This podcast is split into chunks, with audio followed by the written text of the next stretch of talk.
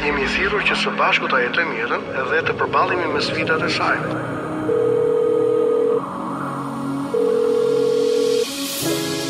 Unë jam pastor Akil Pano. Në Top Albania Radio vjen një program i folur për njeriun, familjen, shoqërinë. Është dita e tetë. Drejt shërimit dhe shpresës. Për ju që ndiheni vetëm dhe të izoluar. Nuk jeni vetëm.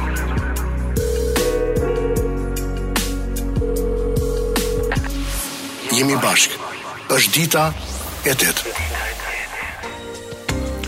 Të dashur miq, mirëmbrëma, përshëndetjet përzemërta. Unë jam pastor Akil Pano. Është kënaqësi e vërtetë për mua që të jem së bashku me ju. Përgjatë minutave të këtij programi në Top Albania Radio. Ky program titullohet Dita e 8. Të rithemelojmë njeriun duke zbuluar dimensionin shpirtëror të jetës, etikën, moralin, mbase pak filozofi, por duke qenë realistë dhe duke parë njëri-tjetrin në sy, duke analizuar problematikat tona të përditshme. A ekziston familja ideale? Kjo është pikërisht dhe tema e përzgjedhur në programin e kësaj mbrëmje. Sfidat, eksperiencat, këshillat nga një martesë, mbase nga shumë martesa. Duke përdorur gjithashtu dhe komentet, pyetjet, çështjet që ju ngrini dhe i postoni në Facebookun tim Pastor Akil Pano, nëse do të shkoni tek Facebooku im, do të shihni menjëherë komente të ndryshme nga individë të ndryshëm. Jemi duke transmetuar live dhe përmes komunikimit tim tani direkt në Facebook. këtë program të kësaj mbrëmje, një mbrëmje e cila besoj do të jetë me shumë vlerë, një mbrëmje e cila do të implementojë kulturë, mendim, etikë dhe zgjidhje praktike në jetën tuaj. Një rrëfim i cili do të vijë pas pak në valët e radios Top Albania. Përmes një çifti i cili është i martuar prej 40 vitesh. Një familje që mund ta konsiderojmë të konsoliduar Do të shtrojmë pyetjen si po konsolidohet martesa sot në këtë periudhë, në këtë vit, duke u përballur me sfida nga më të ndryshmet. E pra, të dashur miq, këtë mbrëmje në studio do të jetë me mua Sevim Arbana, një aktiviste e njohur e shoqërisë civile, por si rrallëherë Ajo do të vijë së bashku me bashkëshortin e saj, duke na rrëfyer një eksperiencë prej më se 40 vitesh të martuar. Do të ndajnë eksperiencën e tyre, e pse jo, këshilla, receta për të përmirësuar lidhjen tuaj. Më pas do të kem këtu një mik të vërtetë, një mik për shumë prej jush, Bes Kallaku. Ishte i ftuar të vinte bashkë me Xhensilën, Xhenin e tij të dashur, e cila me sa duket sot i ka bërë exit, por vetëm për këtë program. Uh, Besin në fakt unë sot nuk e ftoj si aktor humori, por e ftoj si një mik dhe si një personazh të dashur për të gjithë ju dhe do të diskutojmë bashkë me të dimensionin e tij të dashurisë për Xhensilën, për Ian, për Ajkën, bijën e tij me Xhenin. Natyrisht do të flasim për martesën e Besit, familjen e tij të re, sfidat dhe betejat që ata kanë në jetën e tyre martesore dhe në familje. Pra, a ekziston familja ideale? Ju ftoj që të ndani mendimet tuaja me mua. Të shkruani në Facebookun tim dhe sot, këtë mbrëmje, do të sigurohem që të lexoj edhe me lejen tuaj, jo vetëm komentin, por edhe emrin tuaj. Pra, mbase jeni duke udhëtuar në automjetin tuaj, ndoshta jeni në shtëpi. Ju ftoj që të qëndroni me mua përgjatë minutave të këtij programi vërtet ndërtues, ndërtues për ju për elementin shpirtëror të jetës etikën, moralin, por dhe për zgjidhjen e problematikave me të cilat përballemi çdo ditë. Kemi disa mbase mijëravjeçarë që jemi larguar nga dita e shtatë e përsosjes. Ja ku jemi së bashku duke u ndeshur me jetën si një e tërë, me problematikat e saj. Hera herës një diell që shkëlqen, hera herës një diell që zhduket. Hera herës një jetë e cila na dhemb. Një jetë e cila na mbush me trishtim, Gëzimi është shumë larg. Por hera herës përjetojmë dhe grimca lumturie. Tema e kësaj mbrëmje titullohet A ekziston familja ideale? Sfidat, eksperiencat dhe këshillat nga një çift i cili ka jetuar dhe ka ndërtuar familjen e, e vet për rreth 40 vjet. E më tej do të kemi një djalë të ri, një burrë të ri të martuar prej pak vitesh. Një personazh i njohur i ekranit shumë i dashur për ju. i cili do ndajë eksperiencën e tij të martesës, të dashurisë dhe të familjes që ai është duke ndërtuar me bashkëshorten e tij. Në fillim të këtij programi, çifti i parë i ftuar nga unë për të gjithë ju të, mi, të dashur miq sonde është Sevim Arbana bashkë me bashkëshortin e saj, Bexhetin. E më tej do të kemi Aktorin e dashur të humorit, Bes Kallakun, i cili do të vijë dhe do të ndërtojmë së bashku me të një bashkëbisedim, i cili shpresoj të jetë gjithashtu dhe çlodhës, argëtues, por gjithashtu një bashkëbisedim i cili do të na ndihmojë mbase me disa këshilla dhe receta. Të dëgjojmë nga Besi se si është duke e kaluar ai martesën e tij dhe si po e ndërton ai bashkë me Xhensilën, oazin e tyre të ngrohtë të dashurisë. Ky komunikim i cili përcillet nga valët e Top Albania Radios Pikërisht tani është duke u përcjellë gjithashtu dhe përmes Facebookut tim pastor Akil Pano. Jam duke parë disa prej mesazheve që më kanë ardhur në Facebook tek postimi i kësaj mbrëmjeje. Mesazhi i parë vjen nga Moza Naçi, e cila thotë familja ideale vështirë, nëse mungon dashuria e vërtetë, që do të thotë të pranosh dhe të respektosh, të marrësh dhe të japësh reciprokisht. duke mos qenë padron, pra zot sundues, por bashkëshortë të durueshëm plot mirësi, që nuk vendos në dukje në mënyrë arrogante, por me dashuri, që nuk krekoset, që i duron të gjitha dhe mban çdo gjë. Sekreti, dashuria dhe respekti gjithmonë në martesën midis burrit dhe gruas. Ë shkoj më poshtë tek mesazhet që më kanë ardhur tek pyetja a ekziston familja ideale dhe gjeta Mesazhin që më sjell një mik i vjetër, një mik i vjetër i viteve përpara se unë të nisja rrugtimin e tij në në botë, rrugtimin tim në botën e shpirtit e, e, e në të njëjtën kohë. E përpara se ky djalë, ky zotëri tashmë, të niste udhëtimin e tij, është fjala për një ish peshëngritës kampion kombëtar, rekordmen Elion Ago, Elion të përshëndes nëse je duke më dëgjuar. Ti ndodhesh prej shumë vitesh në Amerikë, ke ndërtuar familjen tënde atje. Je martuar me një e, zonjushë amerikane, keni disa fëmijë. Elioni thotë, në këtë kohë që jetojmë, duhet theksuar që martesa ideale është midis një burri dhe një gruaje. Pra Elioni sigurohet të cilësojë që martesa ideale ekziston midis dy gjinive të ndryshme, mashkull dhe femër. Të dashur miq, dëshiroj të ndaj me ju diçka nga pena ime në monologun e kësaj mbrëmjeje, lidhur me si mund dhe ta ndërtojmë familjen, si mund të ndërtojmë martesën, si mund të ruajmë njëri tjetrin dhe si mund të vijojmë udhëtimin tonë së bashku, pra në këtë lloj besëlidhjeje, në një besëlidhje që kushton, na kushton të gjithëve. Na kushton ndarja, largimi nga njëri tjetri, por natyrisht na kushton dhe qëndrimi së bashku. Në jetën tonë të përditshme shpeshherë kapemi pas rutinës së përsëritjes, mbase për disa martesa është bërë monotoni. Është bërë një lloj rutine prej të cilës ka meshkuj që duan të dalin jashtë, ka zonja, zonjusha që kërkojnë të bëjnë të njëjtën gjë. Nuk e kam fjalën për atë lloj rutine për përsëritjen e detyruar të punëve të ditës, të cilat zën kohën tonë e që s'mund t'i shmangim. Në fakt, unë po ju shkruaj për një botë tjetër. Kjo është bota e brendshme e cila na bën të jemi njerëz.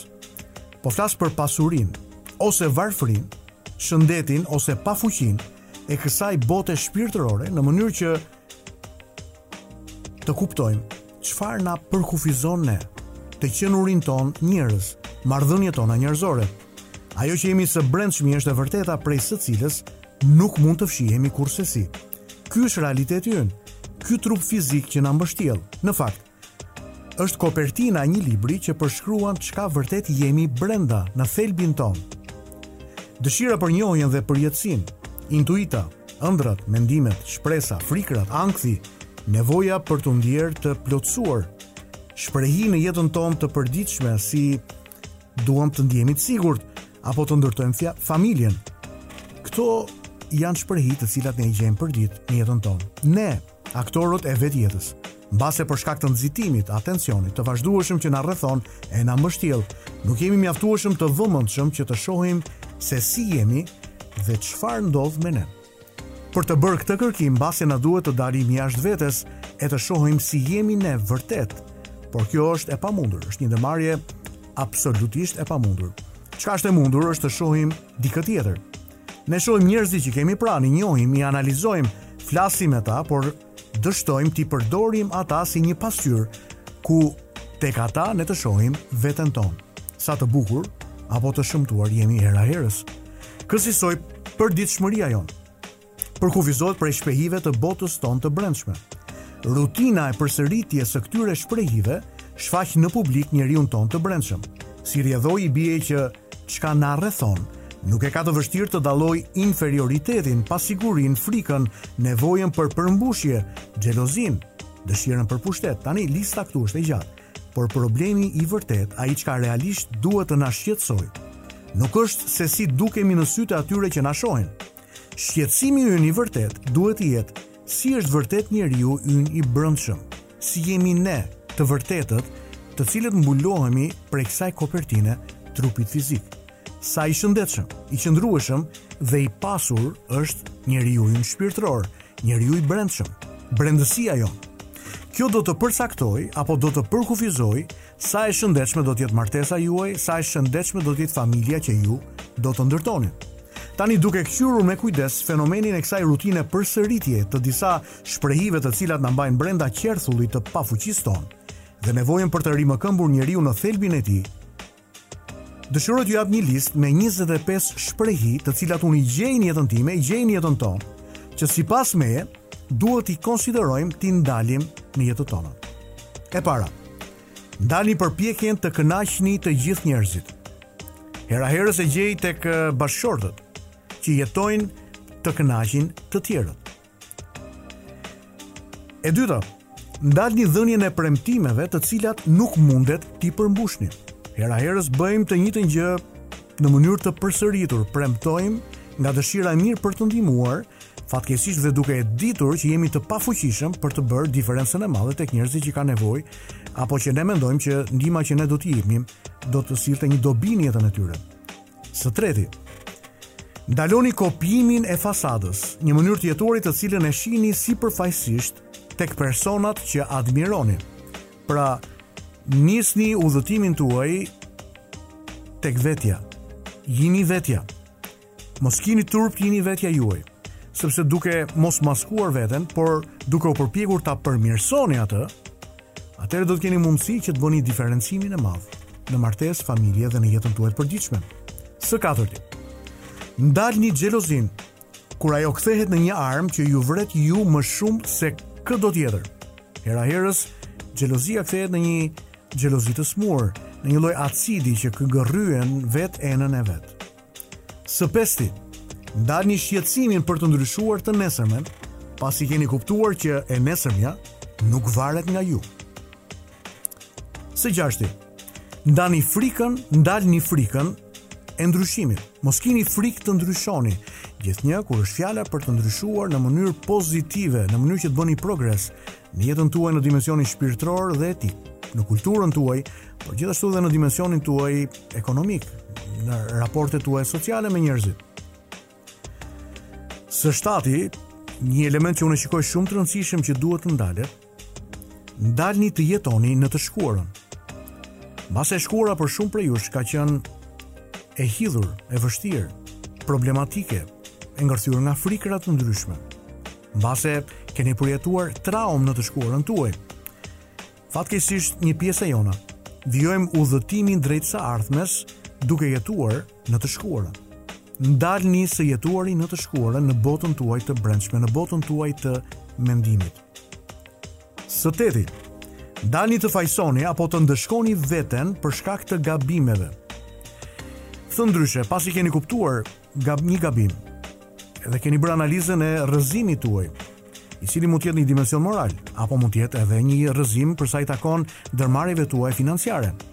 Ndalni së fajsuari veten dhe jetën tuaj në këtë dimension pasi ajo çka un kam kuptuar është që nëse do të vijoni të jetoni në atë vendin atë logun e fajit, atëherë herët a vonë do ta keni shumë të vështirë që të ngrini ë edhe të ngriheni dhe të vijoni udhëtimin tuaj më tej.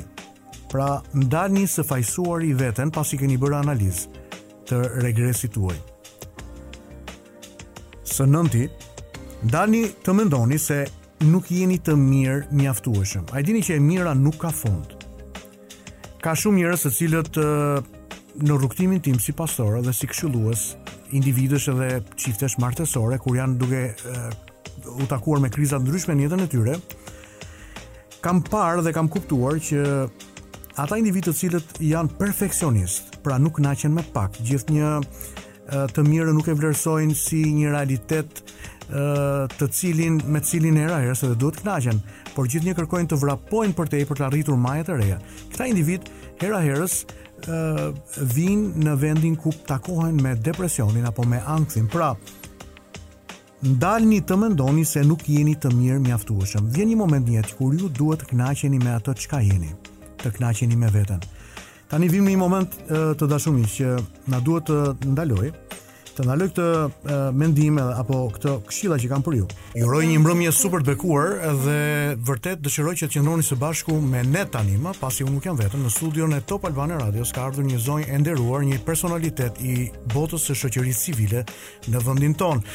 Përpara se të nisja e, e, komunikimin me ju sërish, po bisedoja me të dhe në të vërtetë prej shumë vitesh, para vitit 97, kjo zonjë vijon udhimin e saj duke u kujdesur për njeriun, familjen, veçanërisht njerëzit e margjinalizuar, komunitetet e margjinalizuara në vendin tonë, është fjala për Sevim Arbanën, një nga aktivistet e para të Lëvizjes Demokratike në Shqipëri, themeluese e organizatës Useful to Albanian Women. Ajo është gjithashtu një aktiviste për të drejtat e njeriut që mbështet edhe mbështet grupe në nevojë dhe ka qenë themeluese e Lëvizjes për Paqen. Mirë se vjen. Mirë se vjen. Kënaqësi, jam Veçanërisht me ty, po edhe me radion që unë e, e kam dashuri. Atëherë ndajmë të njëjtën dashuri së bashku. Unë të uroj mirëseardhjen dhe jam vërtet i kënaqur që jemi së bashku. Në fakt kemi qenë në shumë emisione bashkë. Kemi qenë edhe në role të ndryshme, por kemi pasur edhe debate. Për zhvillim, për zhvillim, debate zhvillimi. Por kemi dëgjuar njëri tjetrin. Absolutisht, edhe kemi respekt. Unë dola sot nga një debat televiziv kur nuk nuk kishte njeri dëshirë të dëgjonte njeri. Dhe dola shumë i trishtuar, pasi unë besoj që një nga elementët kryesorë i cili ndërton njeriun, familjen, komunitetin është të dëgjosh. Absolutisht. Edhe të respektosh çdo pikëpamje dhe çdo grup që dhe dhe të dëgjuarit është një nga elementët bazë në komunikim, në dialog. Pra nuk mund të kesh një dialog të ndërsjelltë me dikë nëse nuk je i gatshëm të dëgjosh. E pastaj vijmë edhe tek elementi tjetër që ti duhet të dëgjosh jo atë që do ti, po atë që në të vërtetë thua, atë që po komunikon. Ne shquhemi që nuk dëgjojmë. A zonja Sevim, në fakt tema e kësaj mbrëmjeje është interesante. Dëgjohet nga shumë njerëz në emisionin Dita e 8. Është fjala për familjen. Familja ideale a ekziston? A ekziston familja ideale? Në fakt do të diskutojmë për martesën tuaj, për familjen, për familjen dhe martesat e kësaj dekade të fundit në Shqipëri. Dhe duke parë martesën dhe sfidat e saj, familjen dhe sfidat e saj dhe duke ju parë ju që në fakt keni mbijetuar. Në fakt keni ngadhënjyer, do thoja. Një martesë prej 40 po. vitesh, po. po më shumë. Po. Mbi 40 vjet. Mbi 40 vjet. Dhe në të njëjtën kohë ju keni dy fëmijë, keni djalin dhe vajzën, jeni martuar me një zotëri me Bexhet Arbanën. Po. Një personalitet në fushën e arsimit, autor librash. Ë zonja Sevim, si ka qenë martesa juaj e këtyre 40 viteve? Tashi unë do të filloj me atë që thatë ju familja ideale ose martesë ideale. Unë mendoj që nuk ka ideale, por ka gjëra të mira. Gjëra të mira dhe dhe familja, kur është e mirë, atëherë njeriu dhe e idealizon. Si mund ta përkufizojmë të mirën? E mira është kur një çift e kupton, domethënë ngrihet në bazë të një dashurie, vazhdon kjo dashuri në kontekstin e një mirëkuptimi shumë të madh të një partneriteti të respektimit të hapësirave të dy palëve, të ndihmës të tamam të asaj që meqë ju jeni pastor, ti shërbesh tjetrit në ditë të mira dhe në ditë të këqija, sepse martesa e ka të gjitha, dhe të mira dhe të këqija. Meqë jemi këtu dhe ju cilësuat dhe atë që unë jam pastor, kam vënë re disa individë të tjerë shumë të nderuar kanë qenë këtu, pikërisht aty ku jeni ulur ju dhe kam pas atë përjetimin sikur kanë qenë në dhomën e rrëfimit, rrëfimit me po, pastorin apo me prift. Jo. Unë do doja shumë ndonjëherë të rrëfehesh. Meqë jemi tek ky moment i interesant i rrëfimit, martesa juaj ka qenë me shkesi apo Jo, dashuri. Jo, jo, jo, me dashuri natyrisht, me dashuri. Kemi qenë studentë të dy në një fakultet, un vit parë, ai vit tretë. ë uh, un hyja në auditorin tim, ai ishte në një degë tjetër, un letërsi, ai histori. ë uh, çdo ditë më vëzhgonte dhe më priste. Kemi edhe momente shumë qesharake, më vinte nga mbrapa, në kohën tonë çunat vinin nga mbrapa. Po pra, çunim sot sot o bak sot. Sot nuk i shkohet gocës nga mbrapa siç i keni pas shku ju përpara. Nga mbrapa dhe Kupto ti, ai ishte student pa asnjë lek në xhep si gjithë studentët. Un asnjëherë asnjë lek në xhep. Kthehesha kisha detyrë nga familja që bleja sallat. Unë e kisha shpinë ke rruga e Dibrës, kaloja nga Merkato e Pazarit të Ri. Po ku ke rruga e Dibrës? Se pas kemi pas me Rruga e Dibrës është ajo vila që është optika italiane, ajo po, vila e bukur. Aty ke vilat e priftit aty diku? Po, karshi vilat e priftit. Ah, okay, okay, okay, po, po, po. Shpia po, po. ime e fëmijërisë, rruga më e bukur e në Shqipëri, jo në Tiranë, rruga e Dibrës me njerëzit më të mirë. Pra rreth 50 metra mbi Selvinë, duke shkuar po nga medreseja. Po, po. Dhe ky më vinte nga mbrapa dhe në një moment kur po bleja sallatë më thot ta paguaj unë, unë i thash jo. Më vonë më thot, më thot po të kishe thën po, po të kishe thën po, po. unë s'kisha asnjë lek në xhep. Flitej për 5 lek në kohën e Pra dhe ai unë se unë s'e përdor dot si jargon në fakt, po asnjëherë s'e kam përdor, po do ta përdor sot. Pra lujti bllofin. Po. Domethënë këto ishin momentet, por të thua me dashuri. Ne s'bëm fare dashuri, uh, ai erdhi përnjëherë në familje, ndërkohë unë i kisha bërë një premtim nënës time që unë s'do martohem si motra e madhe 17 vjeç, do martohem të mbaroj shkollën, po. do ndihmoj, do mhm. punoj. E, e pata një çik të vështirë momentin që t'ia them mamasë sepse kisha edhe një motër para meje që atëherë rregullat ndiqeshin kështu. Po, ne jo si familje, por ishte një çik ajo. Pastaj filloi ajo urra, është një familje në fakt. Po Bexheti ishte i ardhur në Tiranë student apo jo, jo, jetonte jo, edhe në jo, Tiranë? Jo, jo, jo, 200 ato janë 400 vjet autokton Tiranas, okay. një nga familjet tironse tironse, më shumë se unë, nga Erbanat, mm. familje bejlerësh, po. i ati në Normalen e Elbasanit, partizan, po. familje oh. shumë, shumë autoktone dhe shumë uh, kryeqytetase, uh, im shoq ka dhe historira shumë të mëdha edhe në diktaturë 16 vjeç ka dash të vrasi Enver Hoxhën ke Petro Nini ishin një grup Ky ishte pjesë e asaj, ishte një nga dëshmitarët. Banda, banda në thonjëza ishte tjetër. Interesante, po mirë, nuk u zbulua apo u pa u pa thjesht si adoleshent. Ky nuk ishte nga ato që donin ta vrisnin, po u fut si ato e thirrën. Pra ishte një komplot që ishte një komplot që e ftuan të mhm. ishin. A e kuptohet flitet për 16 vjeçarë? Dhe po flasim për vitet, dhe, vitet, vitet ka qenë 67 dhe dënohet ky përjashtohet nga nga rinia dhe nga shkolla dhe shkon në Fushë-Arrëz në miniera te Fushë-Arrëz për riedukim në vit të tretë gjimnaz. Po. Domethënë në kohën kur unë e njoha që ishte student, unë, unë isha nga familja Pustina, kuptohet me një biografi shumë të keqe, babai im ka qenë në burg, ka qenë kolon, major i Zogut, shumë pak një javë. Po. Mbasi kreu shkollën në Itali, kthehet në Tiranë, punon në oborrin e Zogut vetëm një javë, mm -hmm. në 39-të.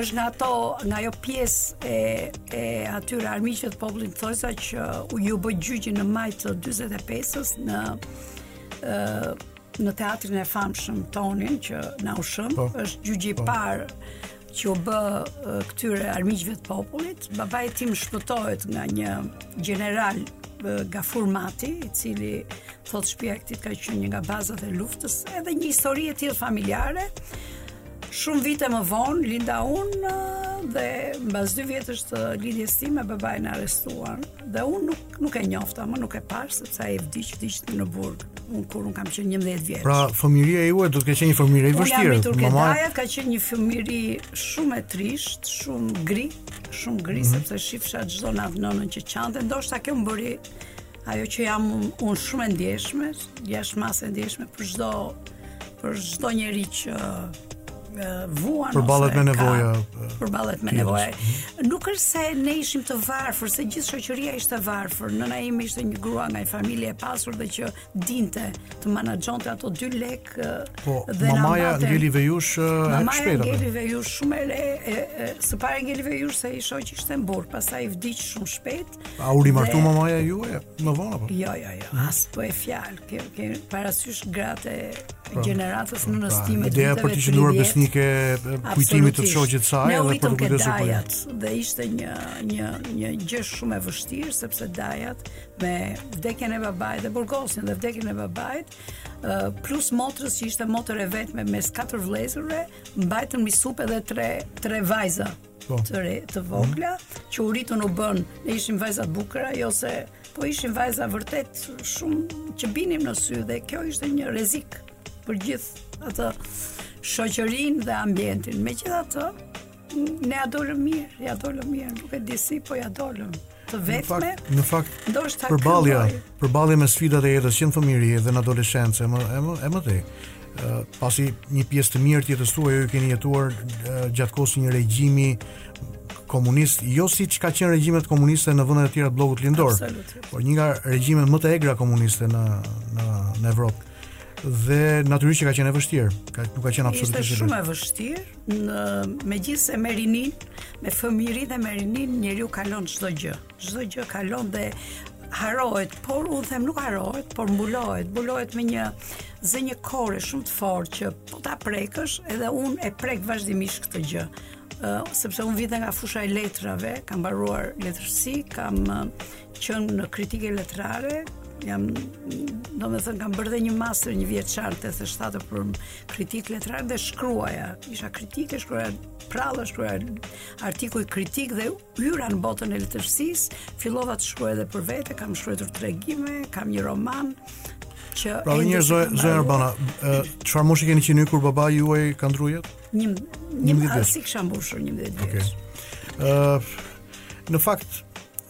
Pyetja është krejt jashtë pyetjeve që kisha planifikuar, pasi edhe rrjedha e bisedës shkoi më interesante se sa unë kisha menduar. A, a e keni ndjerë mungesën e prekjes, mbulesës, përkujdesit atëror të figurës së babait në jetën tuaj? Të paktën gjatë viteve deri në shkollë të lartë? Uh, natyrisht, unë më lindi një lloj, një lloj revolte, për pjesën mashkullore të të të gjithë familjes ku unë rrethohesha. Dhe në romanin që un kam filluar prej vitesh të shkruaj, 50 vjet vetmi, un e, i shikoj këto jam një fëmijë vogël që shikoj tre gjeneratat e familjes, sidomos meshkujt, që ishin shumë jo agresivë, po të ashpër, të ashpër me me nënën, me gratë, me me ne, me ne sidomos. sepse në familjet nga po, vi unë... Ju po flisni për pjesën e, e fëmijërisë. E fëmijërisë, fëmijërisë. Po gjithnjë duke pas modelin e dajave dhe të Dajat në familjet e tyre ishin idealë, ishin po, shumë idealë. Po, me... Marrëdhëniet shumë të perëndimorë, marrëdhënie me, me gratë e tyre. Dhe ne natyrisht na mungonte ky lloj babai, pra, si kjo lloj mbështetje, kjo lloj kjo lloj dashurie, siç e kishin ato. Po. Me ne silleshin ndryshe në familje, dhe ishte normale. Po. Unë shumë më vonë kur kur jam bërë prind vetë, kur jam rritur, kur jam maturuar, i kam justifikuar plotësisht sjelljet e tyre, plotësisht, nuk i kam asnjëherë dhe dhe dhe edhe ato kishin Një barrë shumë të rëndë në supe dhe s'kishin si ta mbanin. Por ishin të gjitha rrethanat, siç thatë ju, ishte një regjim i tillë që të bënte, të bënte të tillë, të edhe të të deformonte ndonjë pjesë të, të karakterit. Megjithatë janë janë gjëra që un thashë kanë ngelur thellë në, në... Gjithsesi un përballem me një fenomen me mungesën e prekjes atërore, pra figura e etërve mungon është është mungesë në kulturën tonë sot. Mbase për shkak të modeleve të munguara të brezit tonë, nga prindërit tanë. Uh, unë mendoj që deri shumë pak vitesh tani figura atërore është gati e njëllojtë me me në në në është babai është shumë prezent në në, në flas në modelet e mira, sepse pastaj kemi dhe modele edhe grash dhe burrash që janë nuk janë modele prindërimi. Përgjithsisht unë shikoj që figura atërore ndërton një raport në distancë, pra distant me fëmijën, me djalin apo me vajzën dhe komunikimet i bën me fëmijët nëpërmjet gruas, që të ruaj autoritetin, të ruaj Kjo ndodh në zonat sidomos fatkeqësisht, fatkeqësisht themi sepse nuk duam të bëjmë ndarje, por kjo zakonisht ndodh në zonat rurale, është shumë e theksuar, është shumë e theksuar dhe në një pjesë të popullsisë e cila ende vuan atë lloj patriarkalizmi dhe ku burri vendos dhe burri mban një qëndrim shumë autoritar tek fëmijët, tek gruaja delegon atë dashuri, nuk e jep direkt ke. Tani mbase bashkëshorti juaj po na ndjek tani këto momente, unë nuk e di. Ëh, uh, si ka qenë pa. Si ka qenë bashkëshorti juaj në raport me djalin dhe vajzën tuaj? Ëh, uh, njëlloj, njëlloj, absolutisht njëlloj, nuk ka bërë ndarje. Madje të them që djalin e ka torturuar shumë tepër. E ka torturuar, sepse duke qenë dhe fëmija e parë, unë them që fëmija e parë është uh, si eksperiment në kuptimin e mirë të fjalës. E ka torturuar në dimensionin e kërkesës së llogarisë. Të kërkesës uh, llogarisë, të dhënies së më. Unë mund t'ju them dy detaje për shembull, i jepte uh, literaturë uh, angleze uh, ta mësonte përmendsh retell që i thonë pa e ditur vetë asnjë fjalë anglisht. Kur djali ishte në klasë 3, 4 fillore.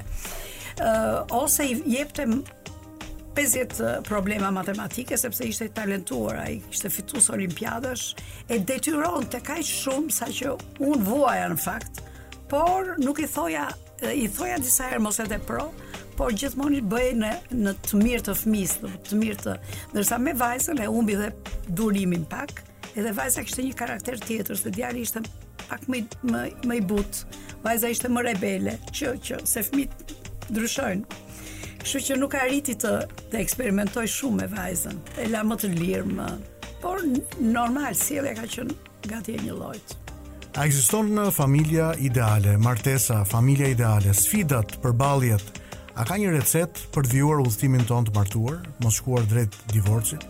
A ka një recetë për të udhëtuar në një dimension kujdesi, kujdesi emocional dhe shpirtëror për familjarët tanë, marrjesh përgjegjësish e të gjitha këto të cilat në fakt jam duke i trajtuar dhe duke i diskutuar në një bashkëbisedim vlerëror me zonjën Sevim Arbana. Kthehemi sërish Sevim, cila ka qenë sfida juaj në martesë? Që ndoshta keni menduar mjaft, nuk do të qëndrojmë më së bashku. Unë e dim që kemi sfida në martesë. Ka sfida të vogla, ka sfida të mëdha. Hera herës ato të vogla të padukshme të bëhen të mëdha nëse ne nuk merremi me to. A ka pas martesa juaj 40 vjeçare një sfidë vërtet që ju ka bërë të mendoni? Natyrisht ka patur, natyrisht ka patur, por fatmirësisht ashtu siç ka patur disa sfida që janë krijuar në rrethana të ndryshme për gjëra të ndryshme, ë uh, por nuk kanë qenë gjëra kapitale, por gjëra të vogla që ka, uh, janë shumë të rrezikshme që të kthehen në shumë të mëdha, nëse nëse by chan, by chance që thonë anglezët ose Vetë intuita jote nuk i ndalon. Ë ka patur të tilla dhe e kemi kaluar në këto kalvare. Jo se kemi dalë më të fortë, por kemi reflektuar, kemi kemi arritur të kuptojmë që në fund të fundit kjo është jeta, kjo është jeta, martesa, martesa është një, një siç e thashë në fillim nuk ka asnjë gjë ideale, martesa nuk ka recetë për të dhënë një recetë të mirë ose të keqe, vetë vetë familja pastaj është E vetmja recetë që mund t'ia servis servirësh të tjerëve, një familje. Kur shikon një familje të mirë që ka fëmijë të mirë, që ka një jetë të gjatë që janë bërë shokë me njëri tjetrin, ku mbështetesh sepse në fund të fundit, në vitet e para është ai pasioni, është dashuria që e furnizon martesën dhe familjen. Po. Martesën dhe, martesën dhe familjen. Po gjatë rrugës pastaj ky pasioni. Rrugës, ky pasion, jo se shuhet, po pasioni transformohet në në një dashuri tjetër që është një dashuri më hyjnore, është një dashuri më më e thellë, është një një përkushtim tejet i madh që domethënë kur ti mendon kur sapo martohesh ti çdo gjë e shikon që do do ta bëjë nëna, babai, vllai, motra me kalimin e viteve mbështetja e parë, e vetme, e madhe, e përhershme, e e pamatë është familja, është bashkëshorti, është bashkëshortja. Domethënë janë të dy këto dhe ne në qoftë se do krijojmë këtë modelin ku do mbështesim njëri tjetrin, atëherë kemi thënë që kemi dhënë një martesë ideale.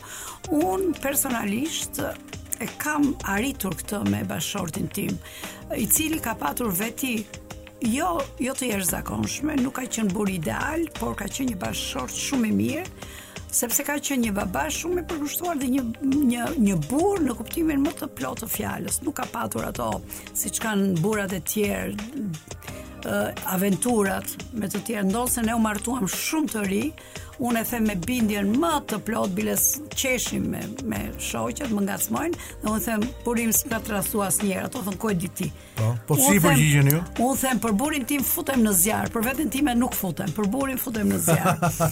Ëh, burr. Beqeri do të naqet anë kështu. Dhe kjo është e vërtetë sepse ai hyn te ata burra që është i drejtpërdrejtë dhe nuk nuk mund të luajë rol. Gjë që i gjen rrallë dhe kush e njeh burrin tim e di këtë gjë. Pra dashuria nuk është më thjesht pasion. Nuk është pasion, por zbërthehet përmes dimensionit të përkushtimit. Absolut. Dhe kjo është familja, kjo krijon familje. Të kujdesit, marrjes përgjegjësive. Absolutisht, është e gjithë dhe sakrifica. Ti do bësh një sakrificë, në sakrifica është e formave nga më të ndryshme, nga më të ndryshme duke filluar nga gjërat e vogla që ti mendon për atë, mendon për atë që kur unë shkoja shumë shpesh jashtë, në më shumë se ai me punën që kishte. Pas viteve 90 natyrisht. Pas viteve 90 natyrisht. Dhe gjithmonë mendoja në radhë parë për fëmijët, si po. gjithë nënat, aq sa kishim mundësi po. me paratë, pastaj t'i bëja edhe qefin bashkëshortit me ato hobit që kishte ai. Ja, ka ndonjë hobi gjërat e vogla. Ai ka ka ka hobi, ka patur hobi gjuetinë.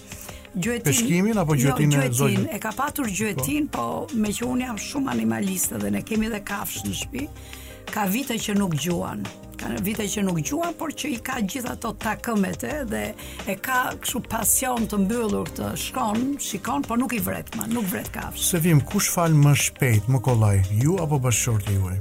Unë. Unë, unë, sepse, domethënë, mund të më mbajë inati një ditë, uh, kur gjërat janë vërtet është faji i tij, por nuk e duroj dot atë uh, tensionin mes nesh, shtojen, heshtjen, nervozizmin, nuk, nuk, uh, nuk e duroj dot, e kam shumë me të gjithë. Nëse do t'jepej mundësia për të ndarë një këshillë me çiftet e reja sot, Këshillë për sa i takon idesë së kujdesit uh, për martesën e tyre. Si mund ta ruajë martesën një çift sot? Martesa ruhet uh, kur nuk ka gjëra shumë të mëdha, siç janë tradhtitë, po. uh, dhuna ekstreme, që është dhuna, dhuna, jo ekstreme, po dhuna që ushtron. Unë i këshilloj gratë që dhunën mos ta tolerojnë në asnjë lloj forme, në asnjë lloj dhe Ke ajo që fillon dhuna, duhet të thonë jo. Pra këtu flasim për dhunë psikologjike, po flasim për dhunë fizike. Edhe psikologjike dhe dhunë fizike. Kur them dhunë psikologjike, është injorimi, denigrimi, fyerjet, shantazhet e tjera, mos i tolerojnë. Kjo nuk do thotë që do ndahen që në atë moment, sepse njeriu ndryshon, po të punojnë duke i treguar një shembull bashkë. Burrave çfarë do t'i thoja? Burrave do t'i thoja që ato që u mbasin, Janë ata, nuk janë gratë. Më vjen shumë keq ta them këtë, po e them me bindje pse? Shekulli 21 shekulli i grave. Pse? Sepse gratë shumë punojnë. Feministe, shumë feministe jo, s'i nuk është shekull feminist, nuk jam feministe, jam realiste. Mm -hmm. Unë jam feministe natyrisht, por shekulli 21 shekulli i grave sepse kur gratë punojnë, kur gratë mund të bëjnë fëmijë në pra, ju mendoni që janë burrat ata që humbasin më shumë nga një divorc? Absolutisht, burrat, burrat, sepse fatkeqësisht ende burrat janë djem mamaje në kuptimin që nuk dinë të bëjnë punë, nuk dinë të menaxhojnë veten. Unë në fakt, unë në fakt, unë në fakt mendoj që në fakt ata që humbasin më shumë janë fëmijët. Vuajtja më e madhe është aty. Jo burri dhe gruaja. Dakord, dakord, dakord, dakord. Jam shumë dakord me ju në kontekstin e pastaj fëmijët humbasin. Por fëmijët nuk humbasin edhe nëse kanë një model të mirë, një nënë të mirë ose një baba të mirë që do t'i rrisi. Jam kundër urrejtjes mes çifteve kur ndahen po. në mënyra se si bëhen ndarja dhe divorci. Pra edhe edhe divorci që shihet si një fund i tmerrshëm. Po, po, po, është i tmerrshëm. Atëherë, atëherë të bëhet me qytetari, pra kjo është Ky është mesazhi. Uh, Sevim, nëse nëse sot apo një moment të caktuar, të gjithë do dalim përpara Zotit. Një moment të caktuar. Nëse do të jeni përpara Zotit, uh, a ka diçka për cilën do ta falenderoni atë? Uh, natyrisht kam shumë gjëra për të falenderuar. Së pari unë e falenderoj çdo natë për shëndetin e mirë që më ka dhënë, për familjen, për burrin, për motrat, për Të dashurit e mi e falenderoj dhe çdo natë lutem dhe çdo natë i kërkoj ndjesë edhe Zotit për gabimet që unë kam bërë në rrugtimin tim. Po. Si si grua, si bashkëshorte, si nënë, si uh, aktiviste, si po. domethënë kërkoj ndjesë, unë i njoh gabimet e mia. Uh, unë e di që s'jam perfekt. Dhe diçka që do t'i kërkonit atij përveç uh, Unë i kërkoj çdo natë, vetëm uh, fëmijët dhe shëndetin për ne, për familjen dhe për të dashurit e mi. Çdo natë për fëmijët. Sevim, unë të falenderoj shumë. Në fakt, uh, patëm mundësi sot, bashkë me një komunitet të madh dëgjuesish të Top Albania Radios, që të shikonim, të dëgjonim një dimension mbase të pa hulumtuar më parë të jetës tuaj, jetës tuaj uh, martesore, familjes tuaj dhe jam vërtet mirënjohës pasi një rrëfim i kësaj natyre uh, kushton, jo çdokush uh, ndihet mjaftueshëm i sigurt në vetvete për ta bërë pronësi të publikut atë që ka të çmuar po, jetën. Po, ne e kemi bërë tashmë. Dhe unë jam shumë mirënjohës dhe ju falenderoj. Faleminderit shumë për ftesën, ishte kënaqësi. Jemi shkëputur prej ditës së 7 të përsosjes. Gjendemi në ditën ku po takohemi në mënyrë graduale a të përshpejtuar me problemet e jetës në dimension emocional, shpirtëror, fizik, social, një konglomerat raportesh të njeriut me veten, me tjetrin, me problemin, e në fakt, unë gjithnjë kam menduar për të krijuar një dritare, një dritare prej nga ku ne do të përçojmë një rreze drite, shprese, e, e një përqasje mbase ndryshe. për ta parë njeriun në dimensionin e shpirtit, dimensionin etik dhe moral, duke diskutuar familjen, shoqërinë si një të tërë, përmes një raporti të ri, duke zbuluar njeriun që mbajmë brenda vetes. E pra miq, duhet ta kishit kuptuar deri tani. Ishte Çelësi i zemrës nga Xhensila Myrtezaj. Edhe në fakt nuk kishte se si të ishte një mirëseardhje më e mirë për Bes Kallakun, të cilin e kam të ftuar në studio. Unë jam çelësi. jo, as çelësi i solit. Ti je dashnia pra. Jo, po se të gjithë më pyesin, po vashë se E para faleminderit që trasht në men. men ftu ose më saktë, tash do bëjmë, a do bëjmë bash bisedë apo mos vërthej ajo që fillon. Jam shumë i bindur që ke hap Telefonin e ke pa listën e miqve. Frrrr. Ja më boja, ty të kam pas, ty të kam pas uh, pa listë miq. Se të kam, Unë jam uh, jashtë kam listës. zemër për ikoj. Unë jam jashtë listës. Jo, jo, ti e Unë ke thyva ata miq. hersin domethënë. Ti e tek ata miq që janë zemër, jo ke Okej, pra listën. unë theva hersin e fitova me meri Shkof marë Përveç emisioni titullohet Dita e 8. Po. Po, ti përveç ditës 8 ti po po po flet dhe për shqisën e 6. Patjetër, patjetër. Ëh, është pak klishe kjo që të falenderoj për ftesën. Jam shumë i lumtur që ndodhem sot këtu.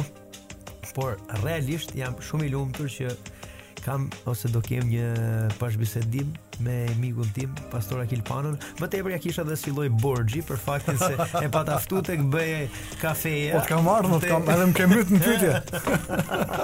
Kështu që mshoj jepi ah. dhe duke qenë humorist, po. edhe duke ditë pozitat tona lidhje me, me Zotin, humori ngjelet humor. E shumë veta më pyesin Çelësi i zemrës, si ia ke gjetë çelësin Xhensilës? Po. Në një të mojë, po shoku një çelës kopil.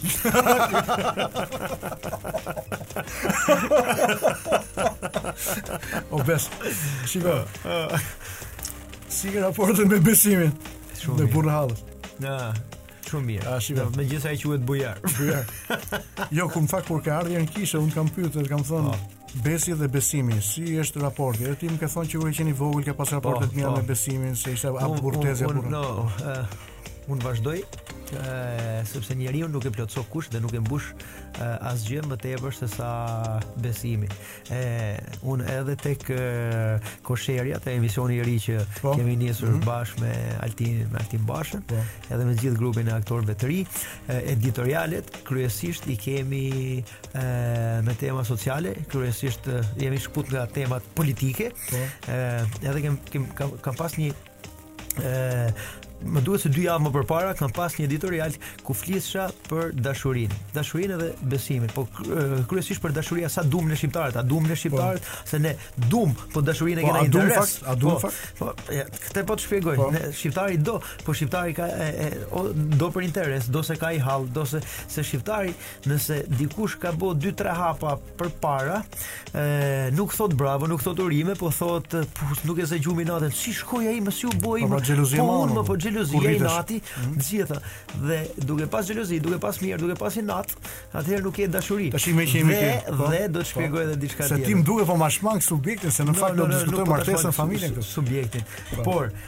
e Zoti do e, dashuria më kryesore është të gjejmë dashurinë e Perëndisë. Duket si predikim, por në po. fakt është ë sepse e ne si shqip, si Shqipëri, si shqiptar ishim vendi i parë në botë në gjithë historinë e botës Enver Hoxha mu që për 25 vjet mohuam zotin u bëm vend i parë ateist dhe nuk donim Zotin, mohuam Zotin. Megjithëse ateizmin e kishim të institucionalizuar në artikujt e kushtetutës. Po, pavarësisht se ishte i imponuar, ë por prap Zoti na deshi dhe Zoti na do.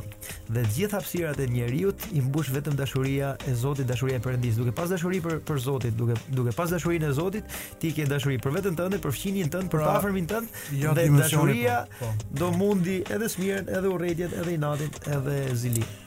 Martin Luther Kingu i famshëm e ka e ka të madhe këtë thënien e tij që shpesh e citojnë edhe pa e njohur mirë. ë uh, Urrejtja nuk mund të nxjerrë jashtë urrejtjen, vetëm dashuria mund ta bëjë. Po. Pra, Besi sapo ka zbuluar një dimension të rëndësishëm të qenies, të jetës edhe vetes së besimit. Të kam dërguar diçka Për sa i përket besimit, se më pyete të kam dërguar diçka në WhatsApp para disa kohësh po. që kush e shpëton njeriu që e shpëton vetëm besimi. E po, mo atë që më ke thonë, unë nuk e kisha parë në këtë po, prizëm. Po. Po. Po. Edhe Po. Tash do do t'i rrim temës të besimit apo do t'i rrim temës që ke që më ke thirrë. Atëherë shife. Dashuri me shikim parë ka qenë kjo dashuria jote me Xhensilën apo jo? Ja. Atëherë ta ngremë çik zërin që unë të dëgjoj më mirë. Po. Më thuj. Dashuria jote dhe e Xhensilës. Ka qenë dashuri me shikim parë, sa e pe vajzën the... Sinqerisht ka qenë dashuri me shikim parë. Pra u këpute? Xhensila ka qenë duke ecë në rrugë me mamanë e saj, unë kam kalu me makinë, e pash, në fakt nuk ka asnjë po ka qenë, rasi, ç'moshë ka qenë Xhensila, ka qenë e vogël. Diku 16 vjeç e gjys. Shi shi shi shi shi. 17 vjeçe. Aha. Po e rrisi që kjo okay. Edhe Po mirë Ka që, ka pra shumë që shprehen që nuk besojnë dashuri me shikim parë Nga ty ça bone Bona dhe xhiro tjetër ke Zogu i Zi Dhe dola prap përpara Ça bone me i ra n'sy Domethënë me Ti ishe i njohur n'atë kohë Unë isha i njohur po Xhensila ka qenë e njohur Mbase mund më shumë nga me Gjinin e Portokallisë Me Gjinin patjetër me Gjinin Edhe kam nalu makinën kam nalu makinën në rrug Kam dal Po, edhe i kam thënë mamës Xhensilës, nuk e di ça e ke këtë gocën, po ta rujt Zoti se qeka shumë e mirë. Ça thua? Po, edhe po çfarë tha gruaja e huaj? Ë, tha, "O, oh, faleminderit, ne të njohim ti okay. Besi, Gjini, ke Portokallia, ne kena pas nejt pa gjumë të pa ty unë dhe vajzën time. Dhe vajza ime është Xhensila, ka qenë tek ethet, aq dosha unë sa mora vesh ka qenë tek ethet. Po ti nuk e bëj dot lidhje me ethet, nuk është se e mbaja mend te ethet, po, po nuk kisha numër telefoni. Ne nuk lash Shpëtim Saraç. Dorë gjo nuk lash, nuk e di çfarë. Nuk kam lënë rob pa marrë n'telefon po, me i po. gjet po. numrin. Po. Derisa ja gjeta. E marr n'telefon dhe më doli nona vet. Prap nona. Nona vet. Po unë për si... për s'dyti pra se ishte sa kur jam rrugë. Unë si si Si fushkuj se si i përket ja mbylla telefonin direkt Se s'pata S'pata S'pata guzim S'pata guzim me i fol Prap zoni nonës vet po. Nese unë Hera dy po hera tre Edhe Ja pasaj i lash Pasaj i, i, i, i lash i rob ke shkolla Se ishte në lice po. Që Kur dilte nga shkolla Kur ikte nga shkolla Valla Ne po po fushkuj kshu e kena. A kupton? ne shoqërojmë jo vet, po me një person kur del nga shkolla, kur ik nga shkolla. Po tash e shoqërova me idenë mos ishte lidhme me nej çun tjetër, mos ishte dashuru me nej. Po tash do shifsha gjithë ecurinë, ku shkote, ku dilte, ku rrinte, me kë dilte, çfarë bonte. Kështu që e dha Zoti. Okej. Okay bie n'dashuri me Zotin si fillim, pastaj Zoti do kujdeset që të po, t'japë ty krah dashurinë e jetës. Uh, bes, ju ta, tashmë jeni prej 4 vitesh të martuar apo jo? Po. Në 1 shtator 2017 ne kemi bërë dasmën me njëri tjetrin. Dhe jetoni më vete apo me po po me... jetoj më, më vete mm -hmm. po jetoj më vete e, e, para dasmës kemi filluar domethënë jetonim bashkë me njëri tjetrin edhe Pas dasmes erdhi dhe Ajka në dy, një vit më, më vonë pasaj. Edhe tani jemi në parajsën tonë. Parajsa është aty ku është familja. Tani, ku... nëse ka një sekret, unë besoj që janë shumë çifte që po na ndjekin përmes valëve të Top Albania Radios. Po. Nëse ka një sekret uh, për këto 5 vitet e para të martesës, pasi Shumë psik psikologë dhe sociologë pas vitit të tretë thonë, tregojnë që diku në mes të këtyre 5 viteve të para ka përplasje, ka krizë uh, patjetër, patjetër se nuk jemi çift uh, alienësh në kuptimin që gjithçka të ketë pra, uh, po çfarë përplaset Besi me Xhensilën uh, shumë apo Xhensila me Besin. Uh, si çdo çift, ashtu si ty, ashtu si çdo çift tjetër, Po kotë vëlla, pse më vesh bluzën? Kupto? Unë për shembull e kam fiksim, e kam vdekje kur më veshin kur kur, kur dikush më vesh rrobën time, bluzën time. Jam shumë i fiksuar. Budallik po e kam. Po. Për shembull, mund të plasi këtu sherri, pse më vesh bluzën?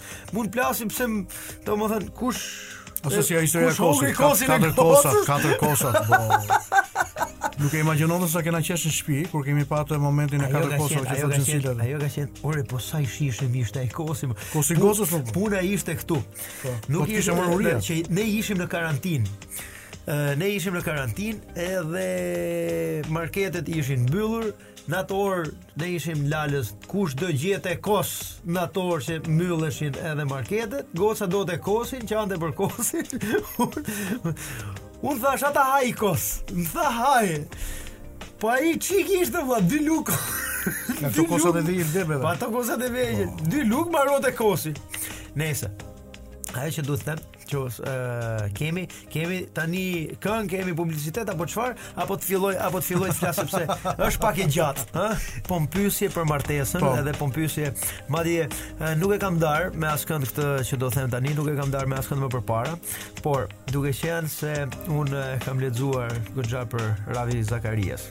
Ravi Zakarias ka qenë një nga folësit nga pastorët më Më me emër e më të njohur, më ndikim, më me ndikim, ë deri para pak kohësh që e po. vdiq. ë dhe fat. E kishin ftuar në një dasëm dhe thotë do flas sot për marrëdhënien në çift, do flas sot për martesën. Po më përpara thotë duhet t'ju jap një shembull. Kur isha në Londër, po ecja thotë në Londër thotë dhe Londra po e keni vënë re Uh, përball Buckingham Palace ka disa pemë shumë të mëdha.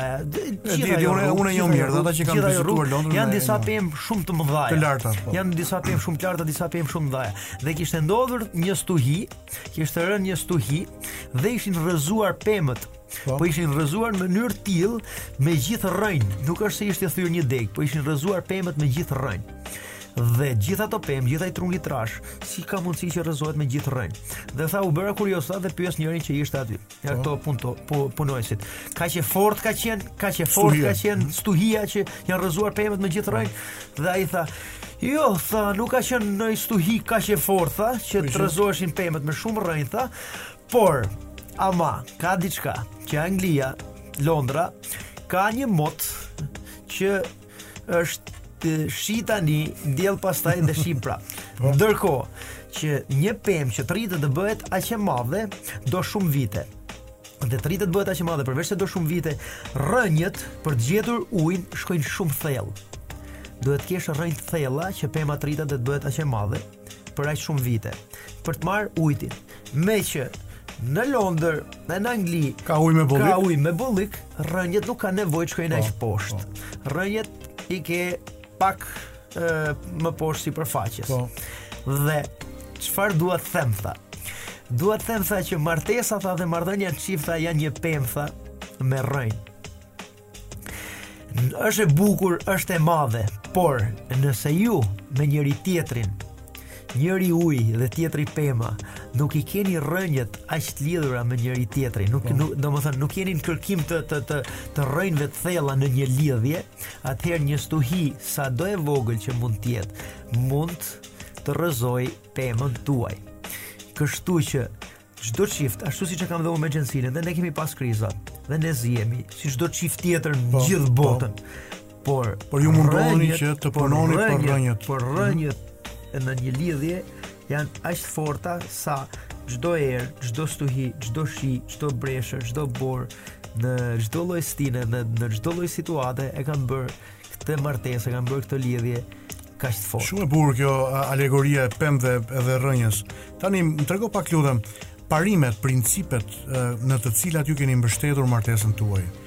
Pra, a ka a ka disa parime pa, në të cilat ju keni ndërtuar uh, unitetin tuaj, pa, martesën tuaj? Pra... Patjetër, patjetër që janë patjetër që kemi ë uh, sa i përket besnikërisë, sa i përket uh, dashurisë, sa i përket e mirëkuptimit, por ajo që unë gjithmonë kam synuar edhe gjithmonë ia them Xhensilës është mirëkomunikimi.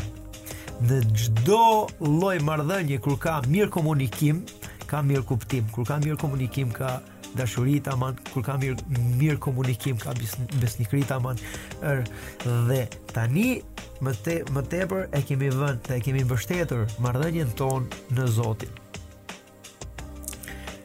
pak kush mund ta kuptojë, por shumë kush e kupton. Nga krahu tjetër.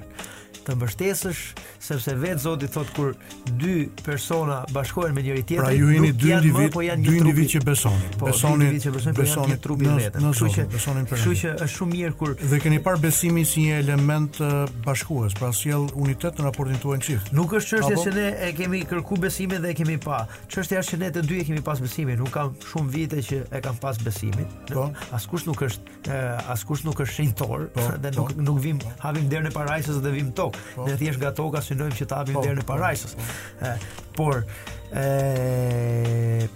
marrëdhënia jonë është tashmë e mbështetur edhe në në Zotin. Dhe kjo është lutja, ë është qetësia e shpirtit, është kur shpirti frymon në në atë paqen e vet sepse çdo lloj acarimi që mund të kemi, çdo lloj ë zënke që mund të kemi, edhe duke qenë mirë e bukur, sepse njerëzit thonë, "Ore, ty lumsi këta çar çifti, shife pushime, shif sa mirë, shif e punë." Shiko, kur shikon në foto dhe video në Instagram, pikërisht njerëz të famshëm. Po, po, kjo është. Kjo është. thonë njerëzit. Po pikërisht kjo është. Por realiteti cili është? Por ndodh për shembull që ka, ore thotë, kur thotë Xhensila, bile, jo më larg se Ishim shumë mirë, aq mirë ishim në makinë, po flisnim për Zotin, po flisnim dhe nisi, jo pse, jo pse ti, jo pse unë, jo pse ti, jo pse unë. Tash kush nuk hap rrugë më shumë ti apo Xhensi? Jo, jo. Të dy hapim rrugë. Dhe kjo është toleranca. dhe e kam thënë edhe një herë tjetër, po du, du ta them prapë. në lumturia më e madhe është kur njeriu kënaqet me aq sa ka. Unë dhe Xhensila ishim nis duke ardhur nga plazhi po vinim për shtëpi për në Tiranë, edhe nuk e di, ishim makinë. Të që sapo the, ishim... thjesht citove Shën Palin, sapo sapo e bëre. Po lumturia më e madhe është po kur njeriu kënaqet po, me aq sa. Po patjetër, ti faleminderit që e di. dhe po vinim ishim makinë, ishim me kondicioner, ishte vapë, nuk e di pse ishim zon, se nuk e maj mend tani. Dhe përpara nesh ishte një kamionçinë dhe mbrapa ishte një çift. Ha, ishim zon pse nuk ishim zon, pse nuk i bosha unë foto asaj. Për përtoj me bë foto. Unë kam të, mund të të bëj 3-4 foto, po siç janë, po siç janë vajzat, po sot siç janë gratë, sot apo bëj foto këtu, apo bëj foto aty. Dhe Ne ishim mbrapa, me, me kondicioner, ishim mërzitur, përpara nesh ishte i kamionçinë, ishte i çift mbi kamionçinë, ishin aq lumtur, asaj vajzës i vite era përballë, ky djali kishte marrë telefonin, bote foto vete, vetes, i bote foto vajzës, ishin aq lumtur me njëri-tjetrin, qeshtin dhe i thash, Shife thash, ne të dy thash, zihemi, jemi të zon thash, jemi me të gjithë kushtet thash, dhe shife thash që rrim mërzitur me njëri-tjetrin. Ata shif sa pak kanë, edhe shif sa të lumtur. Të lumtur duken të pak kanë duken. Dhe eh, po ai po i bë foto asaj. e gjeti, e gjeti. Çiova ne. Ëh, Diçka interesante. Të dy jeni të arrirë, të dy jeni të famshëm, secili në profesionin e vet dhe të dy me sa unë shoh, atë që bëni e bëni me pasion. Pasioni në profesion është shumë i rëndësishëm. Po. Tani, pyetja që unë do të bëj është pikërisht kjo. Kush nga ju do sakrifikonte profesionin për familjen në rast se do të ishit përballë këtij testi? Të them të drejtën. Ti apo Xhensila? Të them të drejtën, për sa i përket e, un kam dash gjithmonë që ë uh, vajzës time mos t'i mungojë ajo që më ka mungu mu gjithë jetën. ë uh, pak kush dhe ose më tepër nuk i intereso askujt që të rri tash edhe dëgjojë se çka ka heq Besi me u bë ky që është sot. Po, a kupto? Po. Po ato janë vujtje, ato janë sëmundje, janë sfida, janë lodhje. Tash a do i lije të gjitha për Xhensilën në shpytje. Kam, pa, e kuptoj, patjetër që e kuptoj. Dhe a do e bënte Xhensila për ty, një gjë. Atëherë, kur në, kur në, kur pjesë e familjes bëhet një fmijë, atëherë është nuk është më aq e vështirë që dikush të sakrifikojë për hir të familjes. As edhe Xhensila këtë mendim ka edhe unë këtë mendim kam. Për mua është e rëndësishme, unë nuk e kam më problem nëse më njohin apo s'më njohin, nëse jam i famshëm apo s'jam i famshëm. Unë kam problem që vajza ime të jetë mirë, që familja ime të jetë mirë, edhe mund të jesh shumë i famshëm, po mund të mos kesh familje në rregull. Mund të jesh shumë i famshëm, po ti s'ke kohë me familjen. Po. Dhe mua më intereson koha me familjen. Po. Mund të jetë e shkurtër koha me familjen, por ama është e plotë, sepse mund të jetë më e gjatë dhe mund të jetë bosh. Okej. Okay. Uh, nëse Xhensila një ditë do t'ju thoshte se do të bashkëpunonte me një këngëtar që mbase ty nuk të pëlqen apo mund të kesh pas konflikt më përpara çfarë do t'i thoje ti do e ndaloje Xhensilën Apo për hir të suksesit, nuk do bëje zë fare, do ta lejoje. Ëh, uh, Xhensila është ai lloj tipi që nuk ka bërë kurrë dhe nuk bën kurrë kompromise të tilla që nëse un nuk do nuk do doja ose do kisha pavarësisht se un nuk do ndaloja po nuk është çështje suksesi.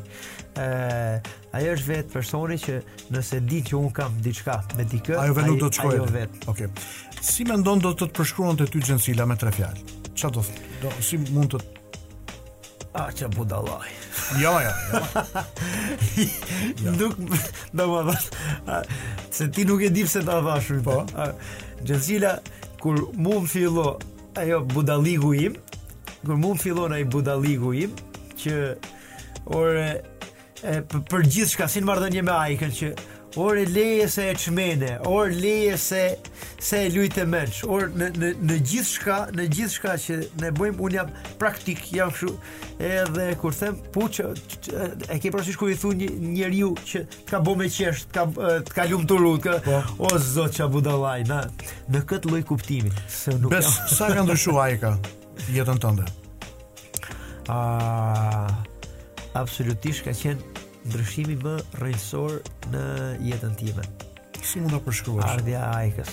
Nuk e di çfarë përshkrimi mund të ketë se ti je prind prind vetë, por ë është ekzistenca, ty të mbushet mendja në ekzistencën e Zotit në një farë mënyrë në momentin që vjen është magjica në fakt kur që vjen fëmija. 26 vjet më parë kur kam sjell vajzën në shtëpi Debora është e parë dhe po shikoj aty ke koshi, ne ishim të varfër kishim pak pak gjëra në atë kohë E, por unë kisha gjithçka se kisha vajzën dhe kur pashë vajzën në shtëpi, edhe isha sipër koshit dhe po shikoja, kaq e vogël.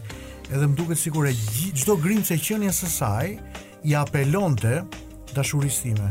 Unë kuptova hyjnoren. Pikërisht. Përjetova diçka që ishte e pashpjegueshme me fjalë. Pra, ndjenjën e atësisë, ndjenjën e dikujt që kujdeset për mua dhe më ka lënë në dorë përgjegjësinë e jashtëzakonshme për t'u kujdesur për një jetë tjetër. Është e jashtëzakonshme. Kam bërë një poezi për Ajkën mm. dhe, dhe kam një varg, po, kam një varg që them, po. si mundet që pulitjet e qepallave të syve të tu po. bëjnë zhurmë më të madhe sesa këmbanat e orës 12. Llogarit se sa e madhe është. Bes Përpara se të vij tek tre të fundit, që do të jenë shpejt si pyetje dhe përgjigje. A ke një këshillë për çiftet e reja, për çiftet që janë nga viti i parë deri në vitin e pestë të martesës tyre? Ka kam përshtypjen që unë e dhashë këshillën në fillim, për, për çiftet, për përkushtimin, për përkushtimet e mbi të gjitha rrënjë, rrënjët. Atëherë Bes. Nëse sot do ishe përpara Zotit, për çfarë do i kërkoje falje? Uh, nuk do flisha, nuk no, nuk do flisha fare. Po. Domethënë dhe do prisja të më thoshte Mirë se erdhe. Shërbëtor i mirë dhe besnik. Ah.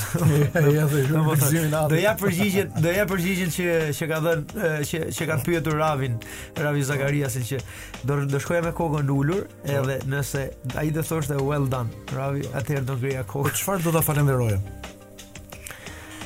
Ti nuk mundesh kurrë ta falenderosh Zotin aq sa duhet. Në unë më më pëlqen një unë nuk lutem më shumë se 20 minuta në ditë, por unë nuk kaloj më shumë sesa 20 minuta pa u lutur. Dhe janë pafund ato të mira që Zoti e Zoti duhet falënderuar për faktin e parë që e, shumë njerëz e marrin shumë shumë thjesht faktin që kanë ardhur jetojnë. Është është është shans të vish të jetosh, sepse mund të mos kesh qenë kurrë. Është shans të jesh, është është diçka hyjnore bile ardhja. Unë besoj këtë. Dhe dhe të vish të bosh hije bësh hije dhe të ikësh, por nuk është e thënë që ti të bësh vepra të mëdha, po të paktën ato të voglat të jenë të jenë të mira, të jenë jo të liga, jo të këqija, po të paktën me aq pak, me aq pak sa gjithkush ka mundësi, po. të më të bëjë të mirën, bëni të mirë. Të ndajmë, të, të bëjmë botën më të mirë, njerëzit që kemi pranë, t'i prekim me, me këtë prekje mirësie dhe dashurie, të jemi njerëz, duke parë njëri-tjetrin në sy, duke u kujdesur për ata që kanë nevojë. Unë e shoh Në jetën tënde, jo thjesht përmes postimeve, por duke të njohur ty pak më nga afër, shikoj uh, dashurinë dhe prekjen që ti ke ndaj jetimit, ndaj nevojtarit, ndaj personave. E kam bërë, e bëj, por e, duhet theksuar diçka. Dhe mbi parimin, dhe mbi parimin e mosbërjes publicitet. Mosbërjes, po, duhet dhe duhet të theksoj diçka që e pikërisht kjo e mosbërjes publicitet dhe siç thotë dora e majtë s'do ta dijë se ça të bëjë dora e djathtë, por ajo është kur ti ke bukën tënde përpara dhe kur jep thërri, thërrimet, tepricat, kur ti jep nga tepricat e tua, po? atëherë është atëherë është tjetër gjë, po kur ti ndan kafshatën tënde me atë tjetrin, është vlera shumë e madhe. Është vlera shumë e madhe. Kam ndjekur një ditë një predikim të Papës që thoshte, gjithë ne besojmë, gjithë ne lutemi, gjithë ne bëjmë për të tjerët, por në momentin që neve na preket interesi, në momentin që neve na preket xhepi, atëherë këtu ka një ndryshim shumë të madh. Dhe ai që bën, ai që beson, ai që jep, edhe kur i preket interesi, edhe kur i preket xhepi, ajo është vepër akoma më e madhe. Besi unë në këtë bashkëbisedim. Koha në radio kalon tmerrësisht shpejt, ëh. O dhe dhe bile them që jemi shkurt, ishim shkurt dhe të lutem kurdo një nga puntatat që do kesh, po të jap fjalën që po. të organizojmë diçka, të bëjmë një puntat të dy bashkë, po. Fusim edhe humor, edhe predikim, edhe besim, edhe mesazhe, edhe mesazhe emocionale, edhe mesazhe sociale. Besoj edhe Ledioni nuk do ketë problem. Ledion Lisha nuk besoj nuk do ketë problem. Besoj, nuk e besoj. Do të thotë besoj se ka. Lagu, të falenderoj nga zemra, pasi i dha dritë, jo vetëm mendimit, por edhe dritë shprese, shumë njerëzve që na dëgjuan sot, mbase zbuluan dhe një dimension tjetër për të cilin jo shumë kush mund ta ketë zbuluar, duke të ndjekur ty si një personazh të famshëm edhe Xhensilën përmes fotove dhe videove që ju postoni herë-herës në Instagram apo për nëpërmjet ekranit të madh të televizionit. Pra dimensionin e njeriut shpirtëror, njeriut i cili e ka gjetur tashmë domethënien e jetës. Do thoja, Që është është mrekulli, jeta është mrekulli, por mrekulli më e madhe është kur ti kupton. Kur ti kupton pse ke ardhur në ekzistencë. Njeh veten. Pse je? Tani, Të dashur miq, kemi mbritur në mbyllje të këtij programi për sot. Jam i trishtuar se vjen ora për ta mbyll programin, por dëshiroj t'ju them që martesa është universiteti në të cilin hyjmë e mësojmë lëndë që nuk mund t'i përvetësojmë në asnjë fakultet tjetër të jetës. lëndë të vështira, por mjaft sfiduese dhe jetëndryshuese të cilat në martesë mund t'i lindë vetëm dashuria dhe besimi dhe këto janë besnikëria, përkushtimi, përulja, nderimi, durimi, sakrifica dhe falja. Kurrë mos jini të rezervuar që t'i ndani këto element në martesën dhe familjen tuaj.